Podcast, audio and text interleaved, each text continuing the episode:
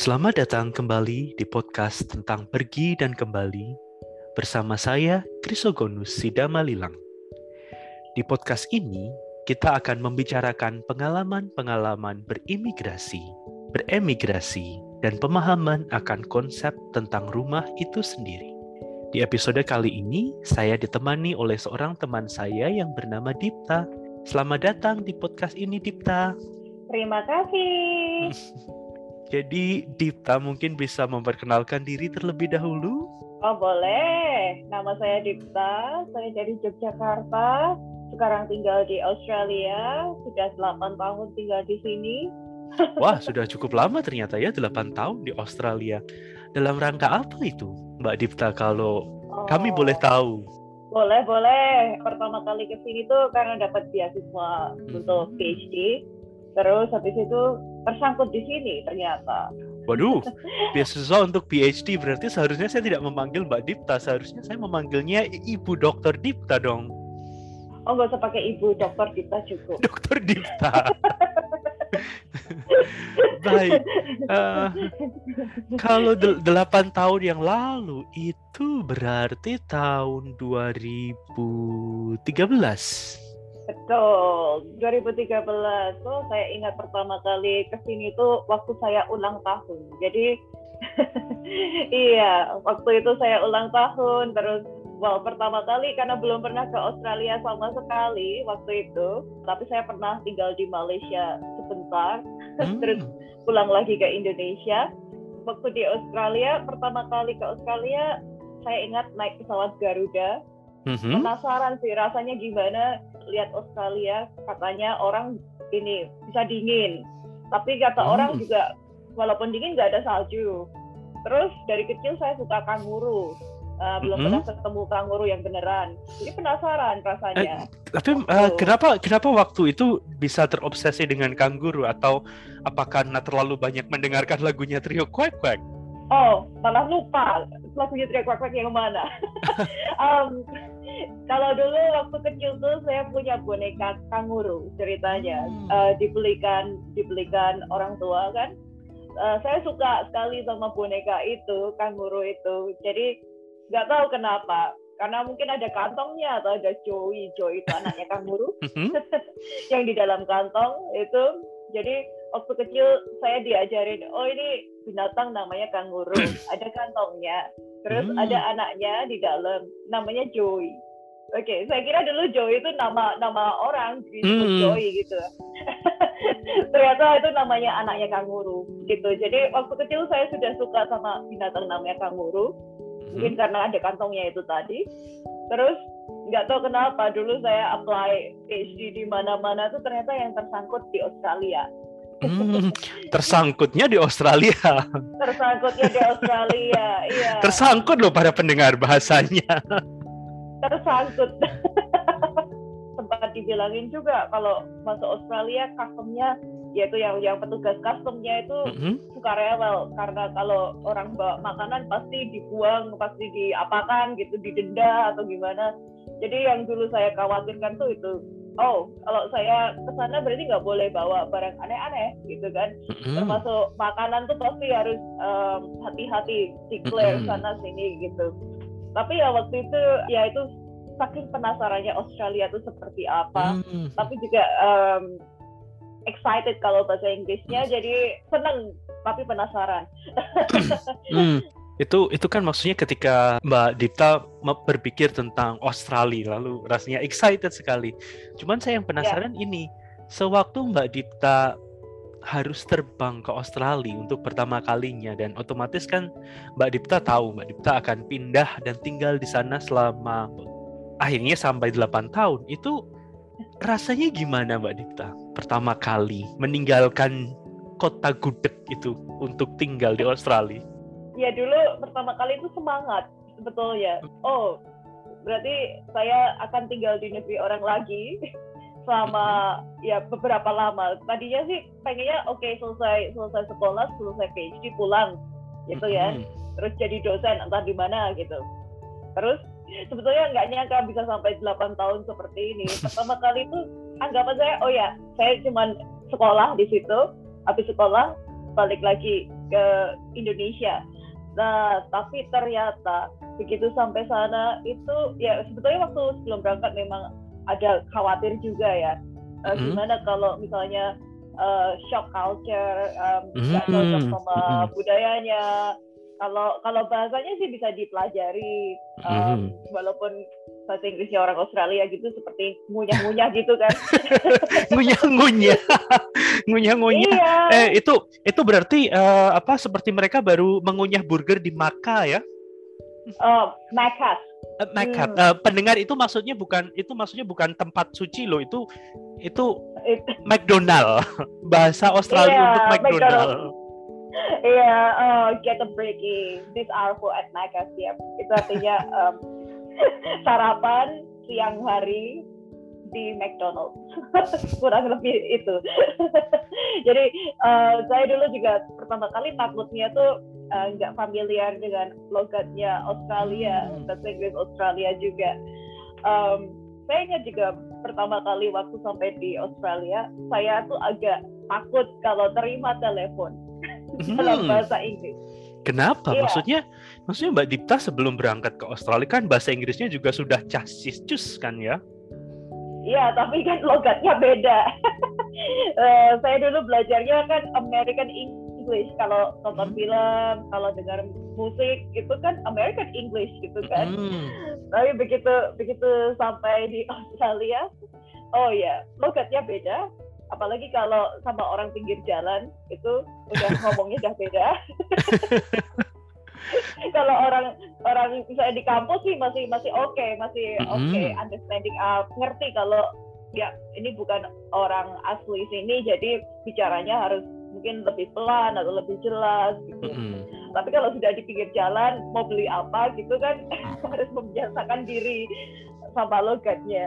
Termasuk kalau di telepon kan kalau di telepon nggak bisa pilih-pilih tuh mau logat hmm. orang apa jadi waktu pertama kali sampai situ paling takut kalau suruh telepon hmm. Padahal iya. uh, tadinya yang ditakutkan adalah culture shock, lalu ternyata ketika sampai di sana harus berhadapan juga ya walaupun apa istilahnya walaupun bahasa Inggris yang sudah tahu ternyata aksen dan dialeknya beda lebih susah mana sih Mbak Dita waktu itu untuk men antara menyesuaikan aksen dengan menyesuaikan budaya untuk menghadapi culture shock itu?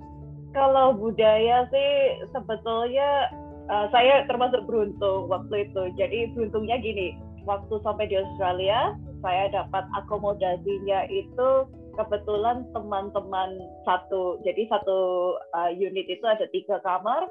Mm -hmm. uh, teman-teman satu unit saya tuh orang asli Australia semua masih muda-muda jadi mereka kayak ngekos gitu uh, rumahnya di uh, kalau saya kan di Queensland ya di uh, Gold Coast nah hmm. mereka orang yang tinggal sekitar 3-4 jam dari kota Gold Coast nah jadi masih lokal gitu dan mereka itu ya ngajarin saya sebetulnya tentang culture-nya mereka. Ya anak muda gitu deh. Umurnya masih muda waktu itu. Hmm. mereka masih 19 uh, 18 19 tahun. Ya jadi saya diajarin kayak slangnya gitu. Terus habis itu kebiasaan mereka. Ya mereka karena apa university student mahasiswa juga. -hmm. jadi masih terkontrol lah. Apa ya walaupun mereka studinya juga nggak karuan dan salah satunya juga ya dia suka suka bolos segala macam gitu. Tapi ya plusnya itu saya belajar dari mereka untuk ya kayak budayanya gimana. Mereka kalau misalnya contohnya gini kalau misalnya mereka ada kumpul-kumpul kalau misalnya orang kan party ya. Mm-hmm. nah kalau mereka ada uh, acara kumpul-kumpul party itu pasti mereka sebelumnya tuh ini uh, jadi kalau beli minuman alkohol kalau di Australia kan dibatasin umur dan sangat ketat di situ. Hmm. Nah, di atas 18 baru boleh beli misalnya hmm. gitu. Nah, itu mereka pasti uh, beli minuman dulu, terus diminum di rumah dulu, baru nanti berangkat ke mana gitu tempat partinya.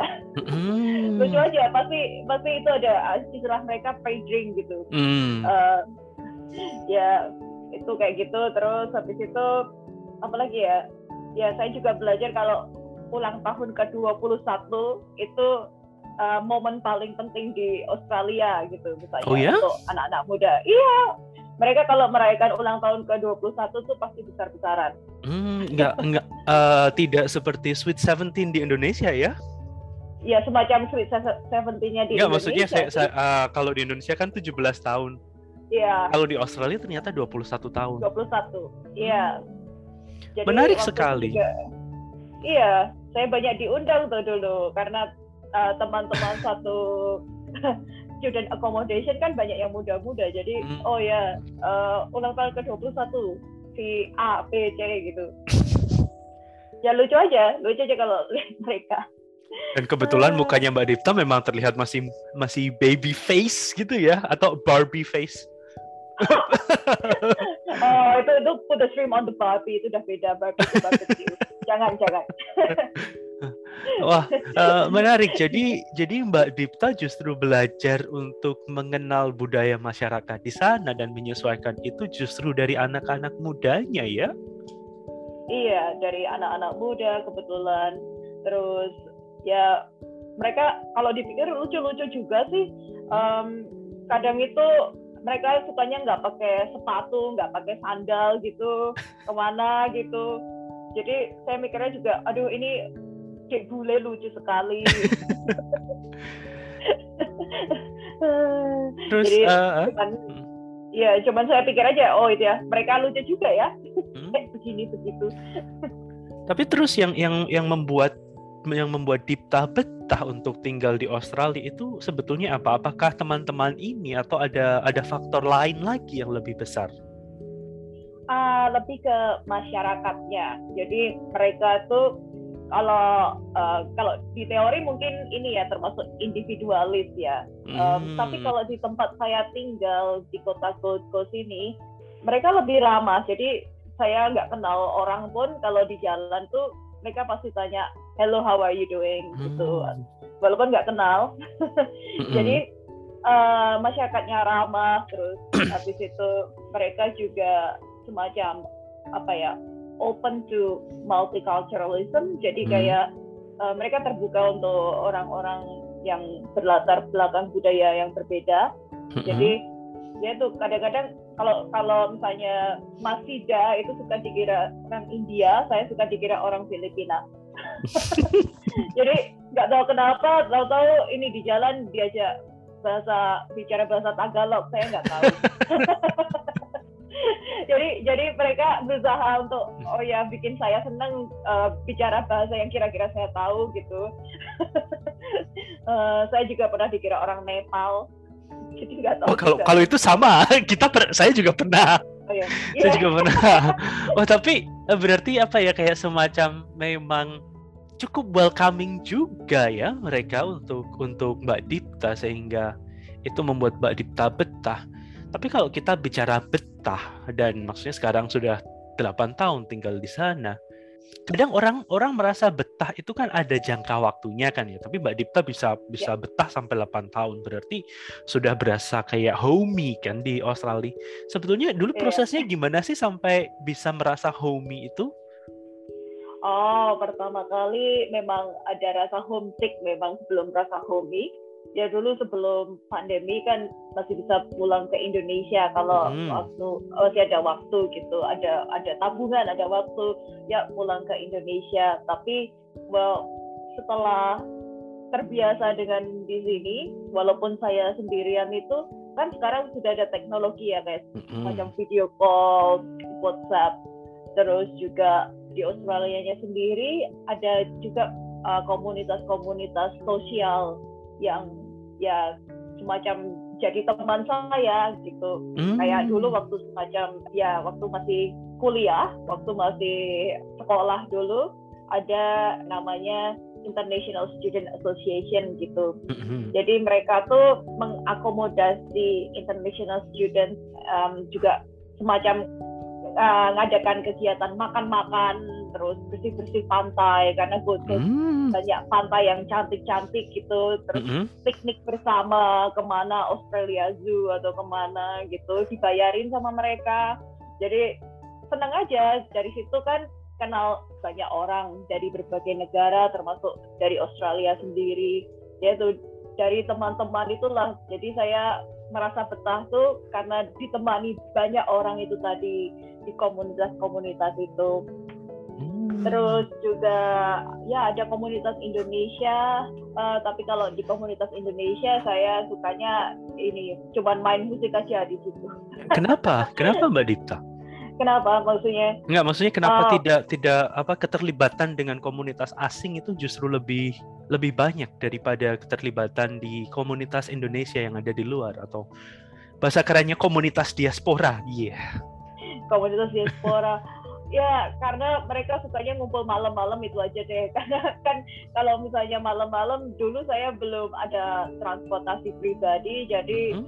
susah juga kalau mau ngumpul sama mereka kan kalau hmm. ngumpulnya malam-malam dan jauh-jauh pasti mereka ngumpulnya di tempat ya biasa kalau orang Indonesia kan kayak kalau arisan itu ngumpul di tempat orang gitu nah kalau saya kan dulu susah aksesnya jadi harus numpang numpang siapa juga nggak bisa sementara kalau kegiatan mahasiswa atau yang yang internasional itu kan biasanya di pusat kota yang lebih netral gitu ya mudah Hmm. Iya. jadi jadi lebih ke masalah teknis sih waktu itu. Hmm. Kalau nggak ada tumpangan nggak bisa lah kumpul sama orang-orang Indonesia waktu itu. Tapi kalau yang sama orang-orang internasional dari berbagai negara tuh juga saya juga jadi terbiasa dengan bahasa Inggris. Jadi um, hmm. dari bangun tidur sampai tidur lagi saya bicaranya pakai bahasa Inggris semua dan itu sangat membantu untuk ya untuk karir saya di sini juga. Hmm. Istilahnya dari dari pagi sampai malam itu Mbak Dipta mandi dengan bahasa Inggris. Oh iya, harus itu. di, uh, bukan cuma dihujani lagi, tapi mandi dan berendam. Enggak, tercebur. Tercebur, iya. Iya.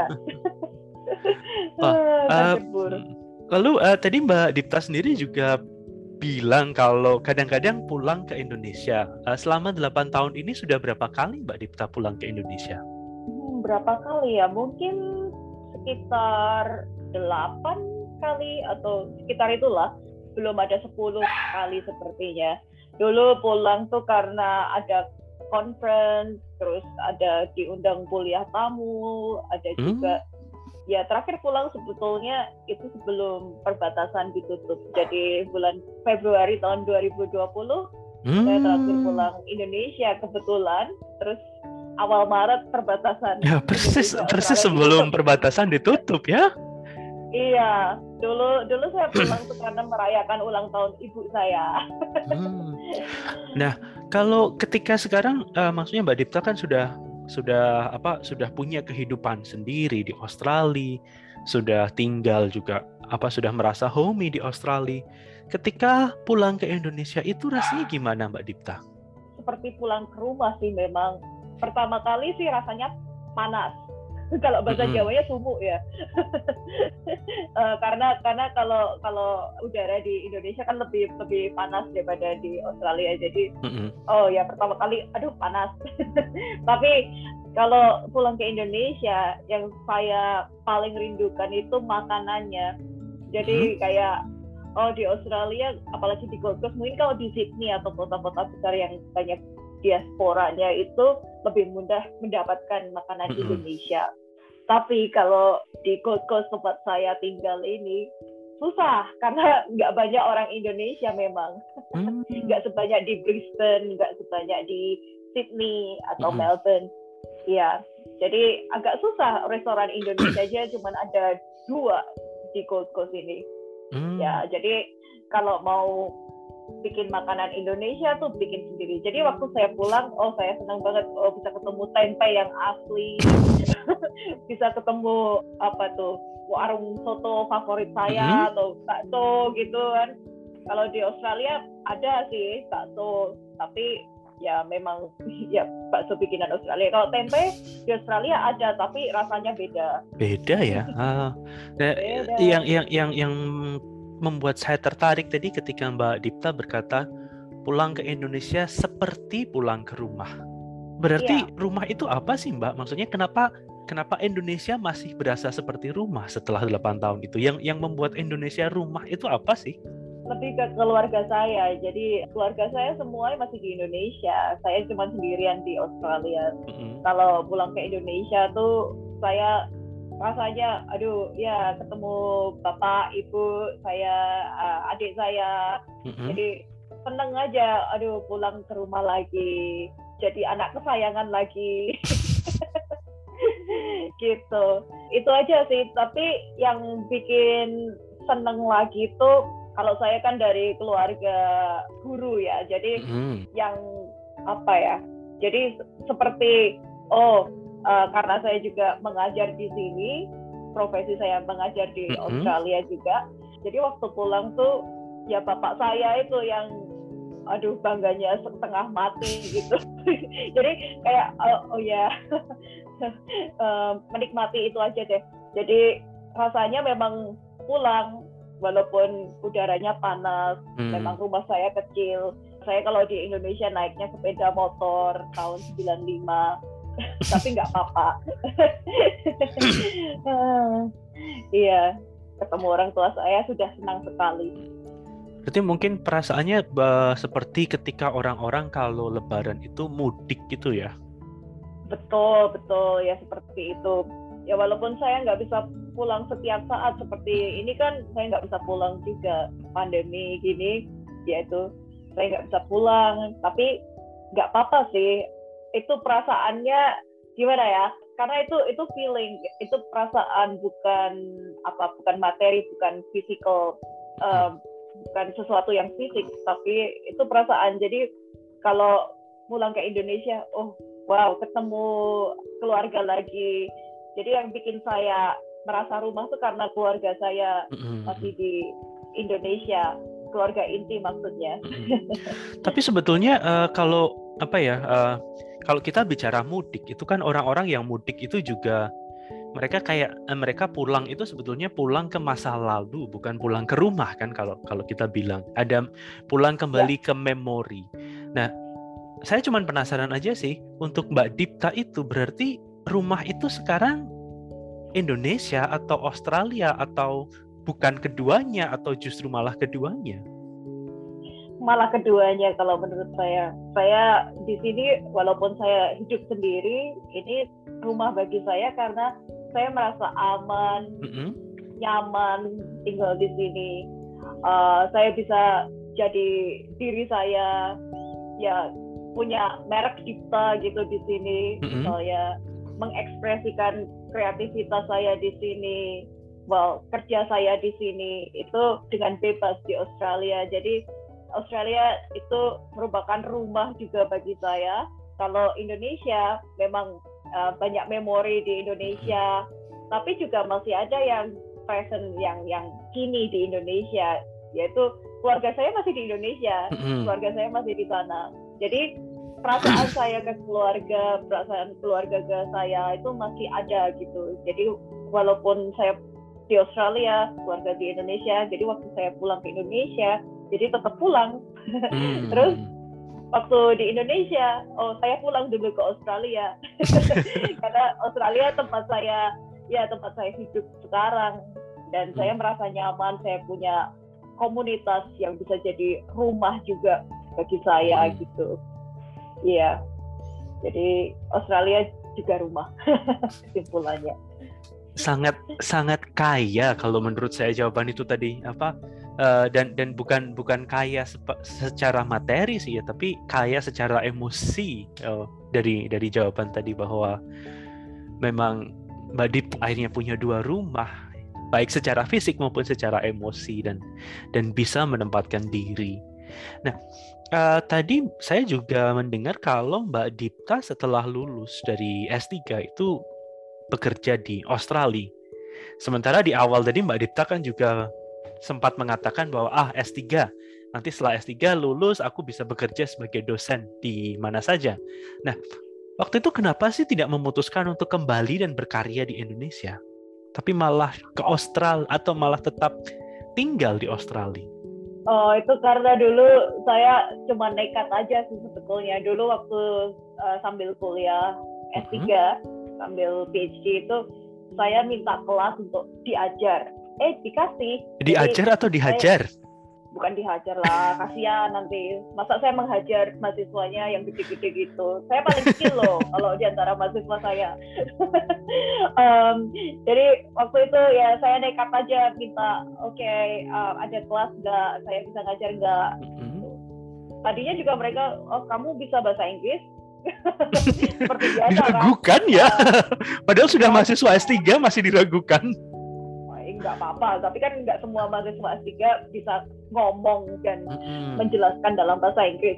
Jadi um, mereka oh ya kamu bisa bahasa Inggris? Ya uh, coba aja deh ayo. Nah akhirnya saya dikasih kelas. Nah waktu itu yang ngasih malah bukan supervisor saya jadi yang ngasih orang lain. Ya saya modal nekat aja waktu mm-hmm. itu. Eh keterusan. Mm-hmm. jadi begitu saya selesai PhD juga saya tetap dikasih ngajar terus habis itu mau pulang ke Indonesia mikir administrasinya jadi uh, kalau pernah kuliah atau sekolah di luar negeri kan pulang ke Indonesia mm -hmm. harus yaitu urus apa namanya ijazah penyetaraan ijazah terus mm. um, apply kerjaan sana sini itu ya dulu saya mungkin males aja ngurus administrasi begitu. Memang memang nah, apa ribet sekali apa ya Mbak untuk mengurus penyetaraan ijazah dan lain sebagainya itu? Hah, saya belum pernah sih. Oh, cuman, oh belum pernah. Iya, cuman lihat itu, ngelihat apa namanya di internet itu kan uh, ada tahap-tahapnya begini begitu. Nah, sudah males duluan dulu, dulu begitu dan ada uh, kebetulan ada ada uh, uh, pilihan visa di di Australia untuk oh ya kalau kalau apa namanya lulusan PhD itu bisa bekerja empat tahun gitu, hmm. di sini uh, bisa pakai visa itu. Nah ya sudah lebih gampang apply visa yang itu dan sementara itu saya juga masih ada kerjaan mengajar kan dikasih mm-hmm. kerjaan mengajar ya udah akhirnya keterusan. Mm-hmm. keterusan tersangkut di sini terus habis itu iya um, ya sampai sekarang saya mengajar di dua universitas. Satunya online sih karena universitasnya di Melbourne. Oh. jauh dari saya. Iya jadi dulu tuh karena karena uh, malas ngurus administrasi aja sih kan karena dulu saya juga udah jadi tutor gitu mengajar di Australia. Jadi kalau mau pulang ke Indonesia urus pajak dan lain-lain juga kan. Hmm. nah mikir sampai situ. Berarti ini sekarang Mbak Dipta bekerja dengan visa itu ya visa yang empat tahun itu? Atau sudah visa yang ini, lain lagi? Ini mau ganti. Semoga semoga bisa ganti. Tapi berarti maksudnya uh, memang setelah visa ini habis Mbak Dipta pekerjaan Mbak Dipta memungkinkan untuk mendapatkan visa yang selanjutnya kan ya?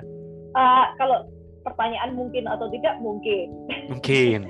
Tapi ya ya nanti lihat aja. hmm. Baik berarti berarti kan maksudnya apa? Memang sudah membayangkan untuk akan stay di Australia lebih lama lagi dari empat tahun ini kan ya?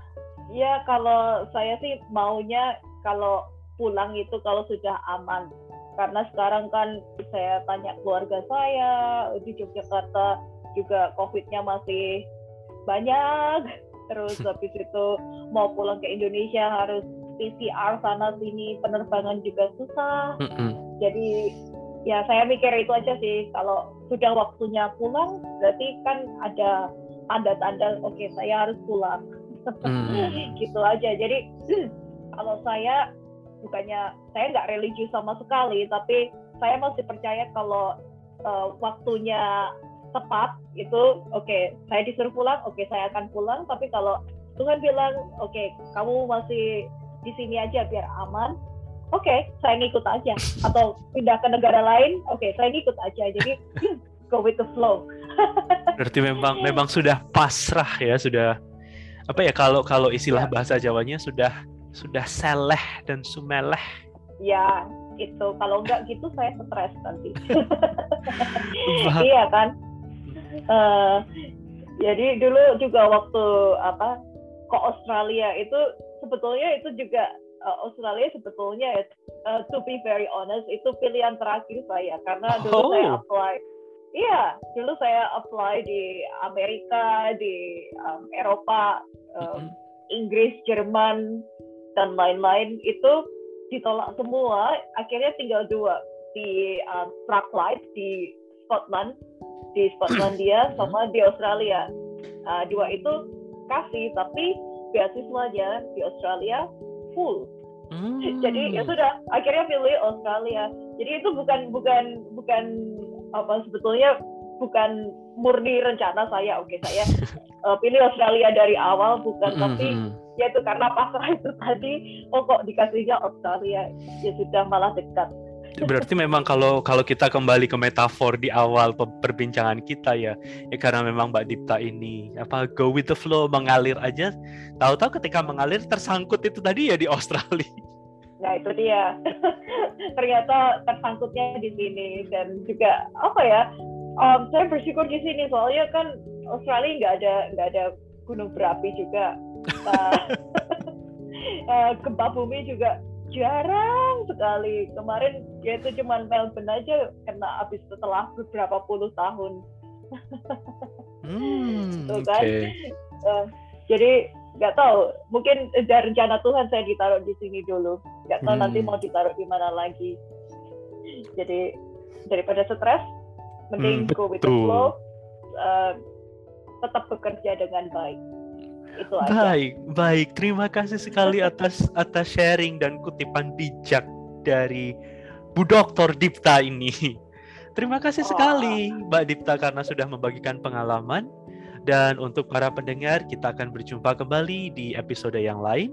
Jika Anda mempunyai kritik dan saran, Anda bisa menuliskan email ke alamat email dengan nama saya krisogonus at gmail.com. Terima kasih.